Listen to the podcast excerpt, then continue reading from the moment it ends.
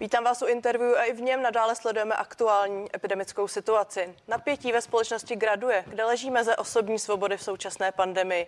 Reakce na nová opatření vlády proti koronaviru. Povinné očkování pro lidi nad 50 let.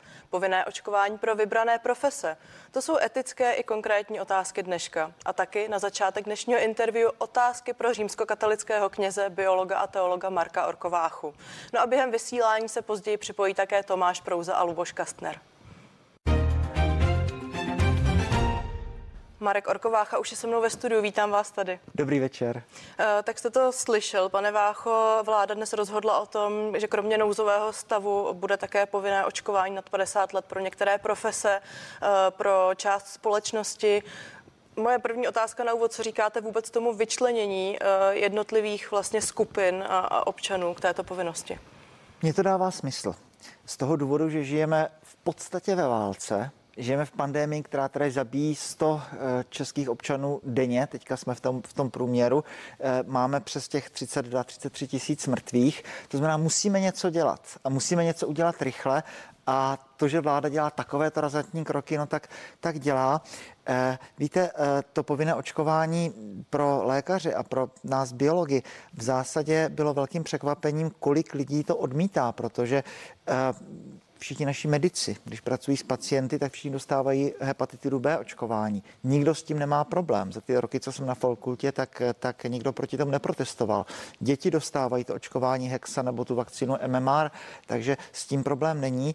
A když je, já nevím, když je povodeň někde, tak všichni občané povinně budou očkováni proti žloutence. Nikdo s tím nemá problém. A rozumím. Když vás tady za, uh, zastavím, tedy s dovolením, no, no, z odborného no. hlediska to tedy podle vás smysl dává. Když ano, se na to ano, podívám ano. z uh, hlediska etického, psychologického, uh, poslední půl roku šlo o jaksi dobrovolnou záležitost, teď najednou tento náhlý obrat. Je to rozumné? Já si myslím, že to je rozumné, že to je, že to je prostě zoufalé řešení v zoufalé situaci a Uh, opravdu mě spíš překvapuje, proč proti tomu bylo tolik a je tolik, tolik reakcí. Faktem je to, že ta společnost je rozdělená. Faktem je to, že, ta, že to napětí nebo ty, i ta určitá agresivita stoupá. Mojí zase velkou nadějí je to, že eh, když se člověk projde po hlavním nádraží v Praze, tak tam jsou fronty na očkování. To znamená, ten odpor vůči očkování zřejmě není tak ideologický, že by ti lidé byli nějak prostě zaťatí a v žádném případě se by se nenechali očkovat. Je to spíš otázka třeba určité laxnosti nebo lenosti a když teda ta vláda na to takhle přitlačí, tak ti lidé se jaksi očkovat nechají, protože s tím nemají nějaký jako větší, větší problém. Takže to je zase mojí velikánskou nadějí. Ta povinnost nechat se očkovat proti covidu se bude týkat pravděpodobně také zdravotnického personálu. Ostatně ta informace tady koluje už uh, několik dní. Uh, byl proti ní části veden taky jakýsi odpor a obava, že by to mohlo část personálu odradit. Tak vy se ve zdravotnickém prostředí pohybujete. Jaká podle vás bude ta reakce? Já si myslím, že zdravotnický personál to přijde, že tak, jako jsou všichni očkování proti té hepatitidě B a nikdo s tím nemá žádný problém. Prostě máme tady novou nemoc, vůči které máme novou vakcínu. Ano, ten virus mutuje eh, proč si nepředstavit, že, že bude potřeba třetí dávka, kdo ví, třeba tak jako proti chřipce třeba přijde ještě potom nějaká další dávka a podobně, ale e, ta vakcína je bezpečná, je vyzkoušená, není s tím žádný problém, byly naočkovány e, desítky milionů lidí na světě a, e, a v zásadě ta, ta vakcína je, je schválena FDA v Americe, ta vakcína je schválena Evropskou lékovou agenturou.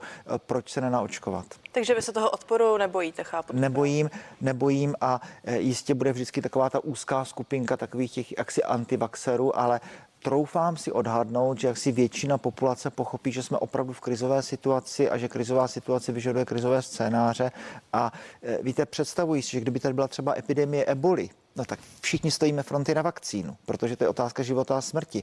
E, epidemie covidu není tak nebezpečná, jako třeba by byla ebola, ale nicméně e, nechat se očkovat je, je moudré a rozumné rozhodnutí s žádnými nežádoucími účinky. Tečka.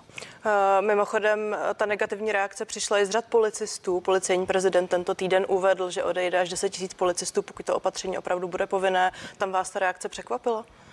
Překvapila, ale vsázím se, že neodejdou zkušenosti z Francie, kde byly taky takové protesty, myslím, že odešlo půl procenta. Z těch. Takže nemyslím si, že by odcházeli policisté kvůli tomu a opakuji, já tam nevidím jako racionální důvod, proč se nenechat očkovat. Jo, to, to, to opravdu jako když ty děti očkujeme proti, eh, proti eh, tetanu nebo proti černému kašli nebo proti hepatitidě B nebo proti hemofilus influenze B, nikdo s tím nemá problém, protože víme, že to je pro dobro těch dětí. Máme tady prostě novou nemoc, na kterou máme nové očkování. Nic víc, nic míň. Já se teď zeptám velmi obecně. Přesto věříte vy z vaší zkušenosti, že se ty bouřlivé reakce, ta aktuální situace, hysterická nálada, že se zkrátka uklidní časem? Já věřím, že se časem uklidní. Tady má pravdu ta zpráva BIS, která říkala, ta skupina nespokojenců se setkala s tou skupinou dezinformátorů a najednou to mezi nimi zajiskřilo a lidé, kteří odpírají vakcínu, jsou právě ti lidé, kteří se kryjí s, s obecně tou skupinou nespokojenců a protestérů vůči čemukoliv. Takže eh, věřím, že ten svůj názor přehodnotí, eh, že budeme mít dobrá data, že vakcína je skutečně bezpečná, skutečně pomáhá. Eh, jistě má každý názor na právo na svůj názor, ale neměli bychom mít právo na svoje fakta. A ta fakta hovoří jednoznačně, kdo se nechává vakcinovat, je na tom lépe než lidé, kteří vakcinovaní nejsou. Tak abyste mi teď krásně nahrál tu část faktů, eh, jsme ji schrnuli, nicméně vy tady jste dnes také jako reprezentant církve, jako teolog. Eh, je podle vás důvěra ve vakcínu proti covidu jakousi novou vírou? Protože vidíme, že společnost je teď eh, vyhraněná na dvě výrazné, jak se já si obce myslím, v opozici. Spíš, Jedna spíš vakcíně se, věří, druhá ne. Spíš se tu a tam člověk setkává s těmi, proti které je je odpor vůči vakcínám spojený s, řekl bych, s novou vírou, až někdy takový ten jako sektářský odpor, prostě v žádném případě eh, pro mě je, eh, pro mě je matoucí. Eh, nemám v ruce žádnou statistiku, ale dostávám denně dneska už několik mailů odpůrců vakcinace, často to jsou katolíci a často teda ty argumenty nebo všechny argumenty, které dostávám, jsou jako dosti iracionální. Takže tam, tam je zvláštní skupina lidí, které jinak znám z médií a nebo, nebo z osobního kontaktu, kteří jsou typicky třeba proti papeži Františkovi zaměření. Tahle skupina se skoro přesně kryje s těmi odpůrci vůči, vůči vakcinaci. Takže na druhou naši... stranu já se omlouvám, eh, nechápete je tak trochu. Jsme ne. tady v pandemii rok a půl, možná už dva no, za pár no. měsíců. No. Ta frustrace zřejmě se prohlubuje spolu s tím, jaký zatím nejsme schopni zvládnout. Je, je, nejsme schopni, ale prostě jsme civilizace, která dělá, co může a žel nemáme žádnou zázračnou pilulku, kterou prostě polknu bude, bude, bude vyřešeno. Ty firmy prostě dělají, co můžou. Pro mě bylo obrovským nadšením a jako dobrou zprávou, že ta vakcína se podařila vymyslet tak rychle. Jako byl jsem hrdý na, na molekulární biologii a na, na, na lidi, kteří tady tohle dělali, že se jim to podařilo v tak krátkém čase a že to funguje. Teď to je obrovský úspěch tady této civilizace. To znamená, jako nemůžeme chtít nějaký zázračný včele, eh, všelék, eh, který by fungoval naprosto bezvadně. Ano, ten virus mutuje, no tak prostě musíme se očkovat po druhé a třeba i po třetí, stejně jako se třeba někdo očkuje proti viru chřipky eh, každý rok. Prostě ta civilizace dělá, co může a těžko po ní chtít, abychom měli najednou jasné, hladké řešení. Prostě jsme v těch válečných dobách, to znamená, politici v demokratických zemích se snaží dělat, co můžou, aby s tou pandemí se nějakým způsobem poprali a jistě, že jako děláme chyby, no protože jsme pod tlakem, protože jsme v krizi, ale snad věřme tomu, že, že vakcinace je, je významnou pomocí pro zvládnutí pandemie. Eh, ano, asi bychom si přáli, aby to byla ta jedna pilulka. Není, vakcinaci musíme opakovat po druhé, asi i po třetí, ale je to to nejlepší, co máme v ruce. Tečka. Tak teď vás poprosím jen krátkou reakci ještě na závěr. Eh, teď jste opět použil fakta, nicméně je to ten způsob, jsou to ta slova, ty argumenty, které pomáhají eh, přemlouvat právě ty dotyčné, kteří vám píšou, že jsou proti vakcíně. Zkoušel jste to? Fakta nefungují. To je skutečně otázka někdy, někdy víry a řekl bych jako jako velikánské trpělivosti a moc bych si na závěr přál, aby ty příkopy se podařilo eh, zaplňovat, abychom, aby to žádná z těch skupin nevyhrotila emocionálně, aby ten národ nebyl rozdělený a abychom jaksi v klidu si dokázali sednout a, a říct si e, důvody. Říká kněz a pedagog Marek Orkovácha, pro tuto chvíli se loučím, děkuji za rozhovor. Děkuji taky.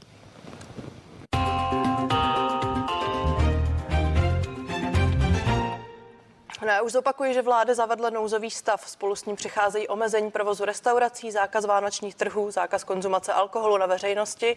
No a omazí se také hromadné akce, koncerty či sportovní utkání, eh, kterého by se nesmělo účastnit více než 500 lidí. Teď už ve vysílání vítám Tomáše Prouzu, prezidenta Svazu obchodu a cestovního ruchu. Pěkný den. Dobrý den. Eh, vláda v demisi tady představila nová protiepidemická opatření. Jak zásadní jsou podle vás právě pro obchod a cestovní ruch, a které z odvětví ve vašem oboru pravděpodobně dostane největší ránu? Eh, jsou velmi složité vlastně pro celou tu škálu. Já začnu cestovním ruchem, který jste zmínila. Eh, v Praze byla nachystaná velká adventní kampaň, která měla přilákat turisty alespoň z těch blízkých okolních zemí, aby přijeli právě na advent do Prahy. Ta kampaň se v tu chvíli bude muset hodit do koše. Je to i velmi nefér vůči řadě provozovatelů. Dneska, když jsem šel po Václavském náměstí, tak tam dokončovali montáž stánků, všichni se těšili. A já si myslím, že zrovna v této konkrétní věci šlo přijmout režimová opatření. Je to věc, která je venku na vzduchu. Ano, znamená to zabraňovat zhlukování lidí. Dokáží to jiné země, už by dokázalo Česko. Objemově největší dopad bude samozřejmě na restaurace, protože pro ně um, konec v 10 znamená, že vlastně v 9, krátce po 9, přestáváte brát objednávky, um, zároveň v 10 hodin se všichni z těch restaurací vyvalí, budou si kupovat alkohol uh, u okýnek, Tady je škoda, že se vláda nepoučila z minulosti. Prostě dá se dělat rozumně. Příklady zahraničí třeba ukazovali poslední objednávku v 10, zavíráme někdy kolem 11. Lidi postupně odcházejí z restaurací a už těch půl 11, v 11 nemají potřebu se někde dál zhlukovat zase bohužel nepoučila se vláda, s nikým to dobře nekonzultovala. Rozumím, když tady tady na vás eh, hned eh, naváži, včera tady například se mnou ve studiu seděl restaurator Emanuel Redy a ta hlavní věc, na kterou si stěžoval, byla rychlost opatření a také fakt, že včera byla středa, ještě nevěděl, co se do pátku uděje. Tak teď jsme tedy eh, v tom současném scénáři, víme, že ta opatření se mění hned od zítra, platí respektive už od dnešní půlnoci. Jak se podle vás na něj stihnou podnikat podnikatele připravit? Je to dostatečně dlouhá doba? Pro restaurace to znamená nějaký výpadek provozu. Samozřejmě ty, které jsou postaveny na večerním provozu, jako bary, kluby, tak ty v podstatě můžou zítra vyhodit veškeré nakoupené zásoby, protože pro klub nebo bar nemá smysl otevřít v 8 večer, když se na dně otevírá zavírat za dvě hodiny. Takže pro tyto speciální části gastronomie to je v podstatě rozsudek smrti, znamená to prostě odepsání zásob, které mají. Dají to se samé bude krát... platit pro lidi, kteří chtěli prodávat na vánočních trzích. Omlouvám se, dali, eh, dají se nějaký vyčíslit eh, očekávané škody? To budou možná spíš eh, jednotky, možná menší desítky milionů, protože ta většina gastronomie běží celý den, takže tam ten problém takový nebude, ale zase máme tady nějaké konkrétně jako více poškozené segmenty gastronomie služeb, čili vláda by měla, kromě toho, že dneska ohlásila ta opatření, omezování, tak by taky měla říct, jak hodlá upravit kompenzační programy, aby ty firmy věděly, co je čeká, a hlavně jejich zaměstnanci věděli, jestli vůbec mají nějakou budoucnost a abychom věděli, že se nám potom vrátí v situaci, kdy se situace trošku zlepší. Podnikatele, které v důsledku protiepidemických opatření klesnou tržby o 50% a více, už víme, že budou mít podle ministra Havlíčka nárok na vyšší kompenzace. E, nicméně, vy jste již naznačil, bude podle vás tato výše kompenzace dostatečná nebo budete tlačit a vyjednávat ještě o další podobě? Já myslím, že má smysl uh, trošku to, co naznačujete i vy. Při menším propadu, menší objem kompenzací, ve chvíli, kdy se situace zhoršuje tím, že se přitahují a stvrdují, stvrdují ta opatření, tak potom navýší ten objem kompenzací. A bylo by potřeba, aby to garantovala nejen tato vláda, ale by i ta nastupující se jasně řekla, jak si s tím poradí, protože tak, jak jsou ty programy nastavené, tak se začnou vyplácet až od ledna příštího roku z nového rozpočtu, pravděpodobně s novou vládou a a pro podnikatele je obrovskou nejistotou, že neslyšeli vlastně žádné jasné slovo od nastupující vlády a já pevně doufám, že to ta nová vláda velmi rychle napraví. A to už říká uh, Tomáš Prouza, šéf Svazu obchodu a cestovního ruchu. Děkuji vám za rozhovor. Díky moc a hezký den všem. Vláda v demisi představila nová protiepidemická opatření. Týkají se také provozu restaurací a barů. S námi už je proto ve vysílání Luboš Kastner z Asociace malých a středních podniků. Dobrý den i vám. Dobrý den. Tak jaký je váš názor na uzavření restaurací a barů po 22. hodině? Jak zásadní pro restauratéry je toto omezení? Velmi podobný jako názor Tomáše Prouzy. Eh, mě ale opravdu neskutečně mrzí, že vláda se nepoučila z minulého roku. Já jsem se snažil celý den dnes komunikovat a eh, opravdu eh, nám to uzavření v 10 hodin způsobí problémy, budou hloučky před restauracemi, bude to kontraproduktivní, mohlo to být daleko lépe, mohli jsme ukončit objednávky v 10 hodin a hosté by se rozešli do 23 hodin, pokračovali by domů, ne do parků, na ulice. A já mám obavu, že policie toto nestihne kontrolovat, nebude to prostě mít ten efekt, jaký vláda si představuje. Kdybych to tedy měla schrnout a měli bychom to specifikovat, mrzí vás, nebo bojíte se toho hospodářského, ekonomického efektu, nebo se spíš bojíte právě toho, co zmiňujete, problémů s kontrolami, problémů v souvislosti s tím, kdo bude opatření vymáhat? To jsou spojené nádoby, samozřejmě se bojím ekonomického dopadu, ten pozorujeme od 1. listopadu, je celkem dramatický. A samozřejmě v momentu, kdy ti poctiví, kteří se rozhodnou naplnit ta opatření, uvidí, že policie nekontroluje na ulicích, kontroluje ty restaurace, eh, kde to porušují, no tak bude frustrován a přidá se možná na tu eh, stranu toho, že začne malinko eh, to ohýbat nebo malinko to trošku nabourávat tu svědomitost. Takže ano, bojím se, bojím se obojího. Když tedy zůstaneme u té ekonomické části, jak se podle vás ještě dál projeví eh, aktuální opatření na hospodaření restaurací a barů? Jak velký očekáváte propad dalších tržeb? Já jenom sčítám ta procenta. My jsme do, do, eh, za první dva týdny byli o 20%, nyní to vypadá, že padáme o dalších 20 až 30%, to máte 50%. No a z toho zbytku, když vlastně lidé jsou naučeni do formátu restaurace hospoda, což Eh, tvoří přes 70% všech restauračních zařízení v České republice eh, chodit eh, a tak, tak to opět odepíšeme další desítky procent. Takže co nám zbyde? Nám zbyde nějakých 30-40 z tržby normální a s tím se opravdu přežít nedá. Proto musíme jednat o kompenzacích a a proto prostě mm, to teďka začne teprve, protože si myslím, že tímto opatřením to nekončí. Když eh, v úterý jsme se domluvili na určitých kompenzacích s vládou a ve čtvrtek je to trošku jinak, tak se trochu bojím, co bude příští týden. Já tady tady navážu stejnou otázkou, která již padla v případě pana Prouzy. Jak by ty další kompenzace měly podle vás vypadat, tak aby pomohly sektoru? Co je teď potřeba? Odpovím podobně jako Tomáš. Eh, hm, parametry nechme nastaveny na poklesy obratu, eh, ale eh, navyšme ta kompenzační kritéria, ty bonusy i po tom, co někomu klesne obrat nad 50%, takže, nebo o 50%. Eh, ještě schrnu, že s omezením provozu se, jste se už museli vyrovnávat v době předchozích pandemických opatření. Eh, jak teď tedy podle vás budou schopni provozovatelé flexibilně reagovat a jsou schopni se připravit na tu zkrácenou dobu, co všechno to obnáší? Nejvíce to týká zásob, ale ty my zpracujeme. Uh, už jsme poučeni, to znamená, každý restauratér teďka začne nastavovat plán směn, upravovat čas lidí, Eh, zejména směny, to znamená, tam se to dotkne nejvíce a samozřejmě každý eh, restauratér a hospodský bude zítra sedět se svým účetním, eh, protože nemáme rezervy a každý hospodský bude počítat dny a koruny, které mu vystačí a bude spolíhat na to, aby ten den D, kdy mu vše dojde, opravdu bylo až za dlouhý čas, ale ten dlouhý čas, bojím se toho, že přijde pak leden únor, a to jsou všechno špatné zprávy. My sbíráme pouze špatné zprávy, takže to je opravdu teďka moment, který je i psychologicky náročný pro celý obchod. A mě v té souvislosti napadají dvě otázky a znovu si půjčím svůj včerejší rozhovor s Emanuelem Ridy, pražským restauratérem, který zmiňoval eh, dvě věci. Ta první je, že docházejí také zaměstnanci, protože se uchylují ke stabilnějším oborům. Myslíte si, že ten poslední impuls bude pro mnohé z nich impulzem odejít do eh, jiných zaměstnání nebo pro podnikatele skončit podnikání v tomto oboru? No zcela jistě a zejména pro zaměstnance barů a diskoték. Ty musí být opravdu na prášky, když to řeknu lidově, eh, protože těm de facto skončila nejbonitnější sezóna, tam ty dopady budou opravdu tvrdé. Eh, v restauracích eh, budeme bojovat o to, abychom lidi přesvědčili, aby zůstali, aby ta stabilita byla. A budeme doufat, že ti srdcaři nám zůstanou a že opět obnovíme gastronomii a že toto období skončí co nejrychleji.